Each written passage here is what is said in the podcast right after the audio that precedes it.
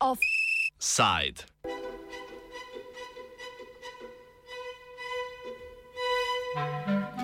Pasji zakoni.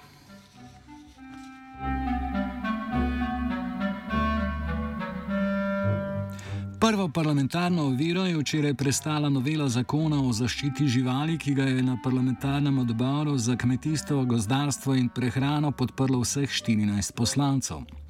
Pripravljen predlog novega zakona bo moral zdaj potrditi še državni zbor, sodeč po podpori v odboru, pa težav z njegovo potrditvijo najverjetneje ne bo. Novela zakona uvaja številne novosti na področju varstva živali, njihovih pravic, dožnosti lastnikov in nacionalnega sistema zavetišč za živali.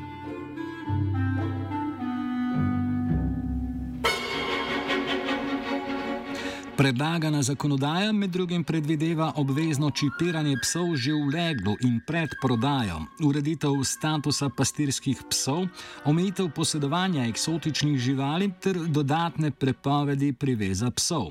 Ti bodo od zdaj naprej lahko privezani le ob nekaterih izjemah, kot so naprimer sprehodi ali obiski veterinarja. Na kmečkih dvoriščih pa bodo lahko privezani le na jeklenico, ki mora psu omogočati gibanje do vsaj 4 metrov v obe smeri. Napredek pri sprejetih eh, določilih povzame Maša Cerjak Kastelic, zastopnica Društva za zaščito živali Ljubljana. Pravzaprav, če so ljudje dobri skrbniki, že danes jih nova zakonodaja ne rabi skrbeti, ker gre za čisto osnovne pogoje, ki jih živali morajo imeti. In dobri skrbniki skrbijo za svoje živali veliko bolje, kot jim nalaga zakon. Zdaj, novela zakona o zaščiti živali prinaša tudi nekaj pozitivnih sprememb. Recimo velika uh, sprememba oziroma korak na bolje je prepoved uporabe električnih ovratnic. Jaz upam, da bo to res obveljalo, ker zaenkrat vse podatke, ki jih imamo, prihajajo iz medijev. Tudi prepoved priveza za živali. Navajeni smo, da so psi pogosto na, na verigah uh, prekratkih zunaj izpostavljeni, zdaj pa naj bi bilo to razen izjem prepovedano. Tako da nekaj pozitivnih sprememb vsekakor prihaja. Uh, Tudi kar se tiče nadzora uh, nad preprodajo psov, upamo, da bo šlo nekaj na boljše z novo prenovljeno zakonodajo. Sicer pa obstajajo tudi predlogi za omejitev posedovanja eksotičnih ljubljenčkov, ki so lahko ljudem nevarni. Uh, bomo videli, kako se bo to izvajalo v praksi. Acerja Kastelic povdarja, da pri pravicah živali ni vprašanje le obstoječa zakonodaja, ampak predvsem njena implementacija, ki jo je pogosto odvisna od samih lasnikov in ne od organov pregona. Mi v primerjavi z drugimi državami Evropske unije niti nimamo tako zelo slabe zakonodaje, težava je v tem, da se ne izvaja. Se pravi, da niti ljudje niso navajeni, da so, ljudje, da so živali živa bitja, čuteča živa bitja, za katere je potrebno poskrbeti in se ta odnos predvsem pozna. Ni, ni zapisano tako zelo malo stvari, nišče pa ne nadzira, če ljudje to tudi počnejo. Prva sprememba je vsekakor v glavi ljudi, da se zavedajo, da imajo živali različne potrebe in da si zaslužijo, da se dobro počutijo. Drugi korak je pa potem v različnih inšpekcijah, v različnih pristojnih službah, da tudi nadzirajo, da se zakonodaja izvaja in da se po potrebi tudi kaznuje in pogoje za živali izboljša, seveda. Tako je tudi na področju trgovine in posedovanja eksotičnih živali, kar prav tako naslavlja novela zakona. Po novem naj bi stroka oblikovala seznam živali, ki bi jih slovenci lahko imeli za hišne ljubljenčke, pove predstavnik veterinarske zbornice Slovenije, dr. Miranačko. No, neke natančnejše regulative, točno kaj je eh, lahko hišni ljubljenček eh, in kaj ni. In seveda, tudi pogoji, ki morajo biti zagotovljeni, do sedaj ni bilo in to pač ta novela zakona prinaša. Katere so te vrste, živalske vrste, ki so lahko hišni ljubljenčki, je lahko po obstoječi zakonodaji praktično vse. Seveda obstajajo tudi druge omejitve z uvozom eh, takih živali z vnosom, eh, bom rekel, to je ta mednarodna eh, organizacija, ki omejuje, ampak veliko krat gre lahko tudi črni trg, kjer se te živali nabavijo. Seveda gre tu pri nas, da je predvsem treba določiti kriterije in pogoje, za, v kakšnih lahko imamo določene živalske vrste kot hišne ljubljenčke zdaj le pač ta nova zakonodaja to precej natančne regulira. Gre pa tudi za vnos tujerodnih vrst. Po drugi strani je seveda veliko krat se ljudje to zaželijo. Po nekem določenem času ugotovijo, da je ta želja ali uplahnila, ali pa da tudi niso sposobni, nimajo več možnosti, ne vem, se preselijo, je kakršen koli drugi razlog in se dogaja, da se te živalske vrste pojavljajo bodi si v zavetišči, kar je v manjših primerih, veliko krat pa se te pojavijo tudi v naravi, ker smo že imeli tudi primere, da so te, ne vem, pitoni, eh, zdaj med da celo ena puma, v, se pojavijo v naravi. Ne. Poleg teh sprememb nova zakonodaja odpravlja možnost eutanazije za zdrave živali, ki so v zavetišču več, več kot 30 dni. Po novem to ne bo več dovoljeno, stroške njihovega varstva pa bo po 120 dneh prevzela država.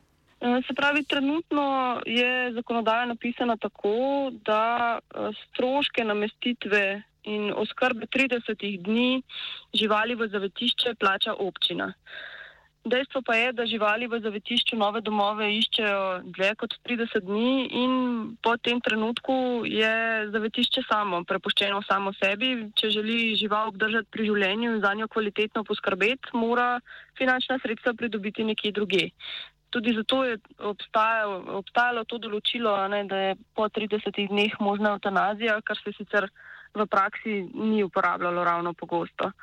Zdaj, za naprej je sicer ideja super, seveda ne želimo eutanazirati zdravih živali, je pa potrebno realno pogledati, ker žal jih še vedno je preveč, kapacitet v zavetiščih ni več kot toliko in nujno potrebna bi bila tudi preventiva, se pravi, da se število neželenih živali zmanjša, tudi s tem, da se javnost osvešča, da delamo na tem, da živali ne bo preveč. Eh, mi sicer največ sodelujemo z zavetiščem Horjul, kjer se eutanazije zdravih živali že zdaj ne izvajajo, ampak na druge načine poiščemo finančna sredstva, da lahko te živali preskrbimo. Eh, se mi pa zdi mogoče ta predlog, ne prepoved eutanazije zdravih živali, rahlo nedodelan, se pravi, ni, ni nekega večjega plana, kam pa bomo dajali potem vse te živali, ki, ki bodo še vedno ostajale tam. Dejstvo nam reče, da živali je žal preveč, tako da morajo tudi ljudje nekaj narediti na tem, da se število živali zmanjša, ne bo to sterilizacijami, s kastracijami, s tem, da se odgovorno odločajo za žival, ki potem ne pristane v zavetišču. Stroške bivanja živali v zavetiščih, ki jih tam zračunajo občinam, sicer trenutno določa posamezno zavetišče samostojno, zato se cene in ponujene storitve po državi precej razlikujejo. Kakšno ceno bo za bivanje po 120 dneh plačevala država, še ni znano.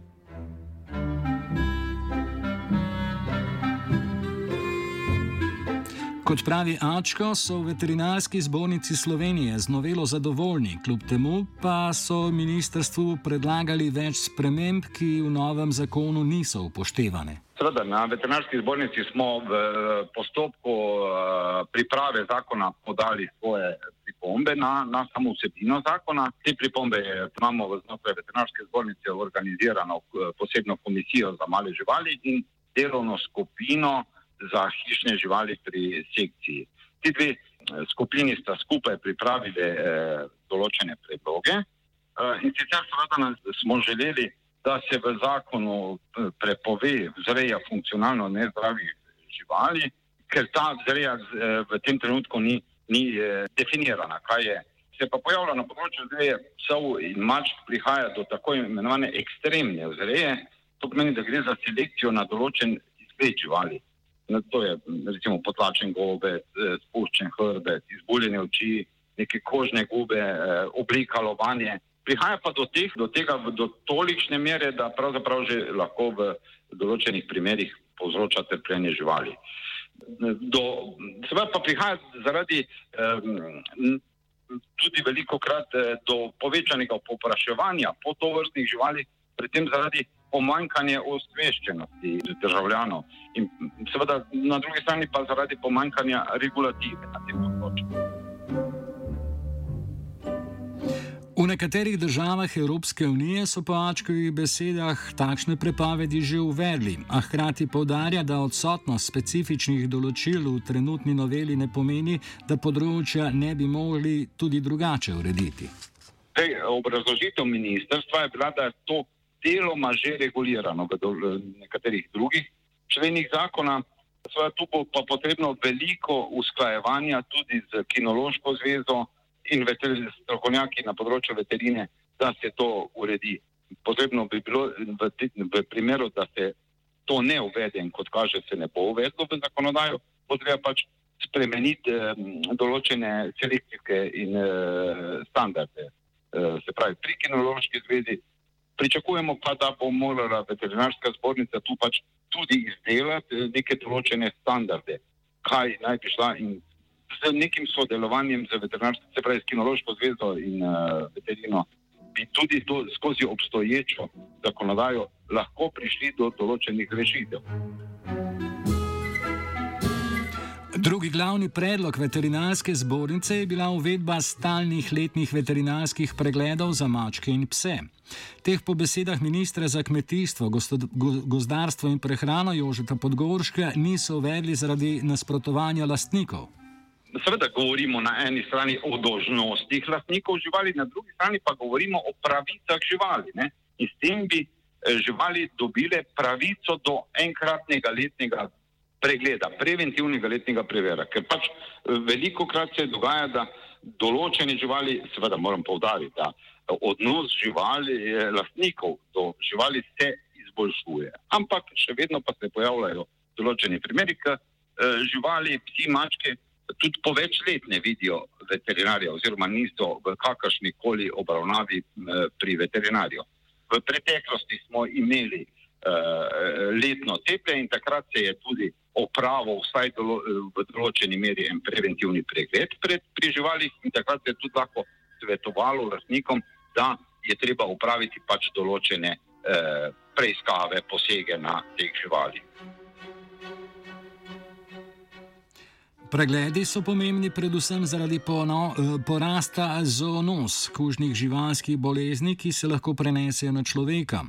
Kot povdarja Ačko, ima večina kužnih bolezni, ki pestijo človeštvo, živalski izvor. V preteklosti, ko smo imeli redno cepljenje, vsako letno cepljenje, je bilo zatiranje etinokokoze vključeno v samo cepljenje in so te živali dobile vsaj enkrat letno uh, antiparazitik, da smo zatirali to.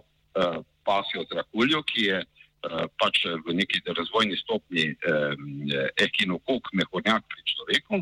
Uh, sodobna priporočila stroka pravzaprav priporočajo celo večkratno dehelmintizacijo uh, letno. Ne? Zdaj pa smo pri, povdarjam, pri določenem, pri določenem uh, deležu uh, živali, te živali tudi po več let niso dehelmintizirani. So seveda še druge kužne bolezni, kot je leptospiroza, in pri mačkah imamo, nam pa narašča delež dermatofiloz. Ne, to so glivične bolezni, ki pa se večina zelo eh, prenašajo tudi na človeka, kot je mikrosporija.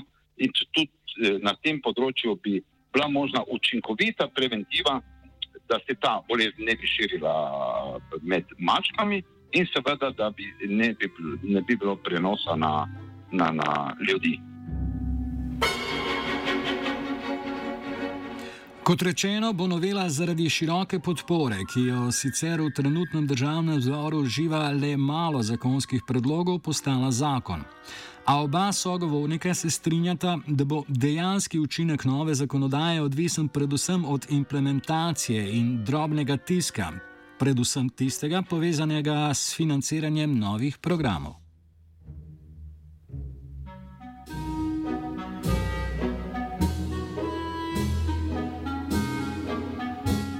Offset je peljal k veterinarju in nahranil koruza.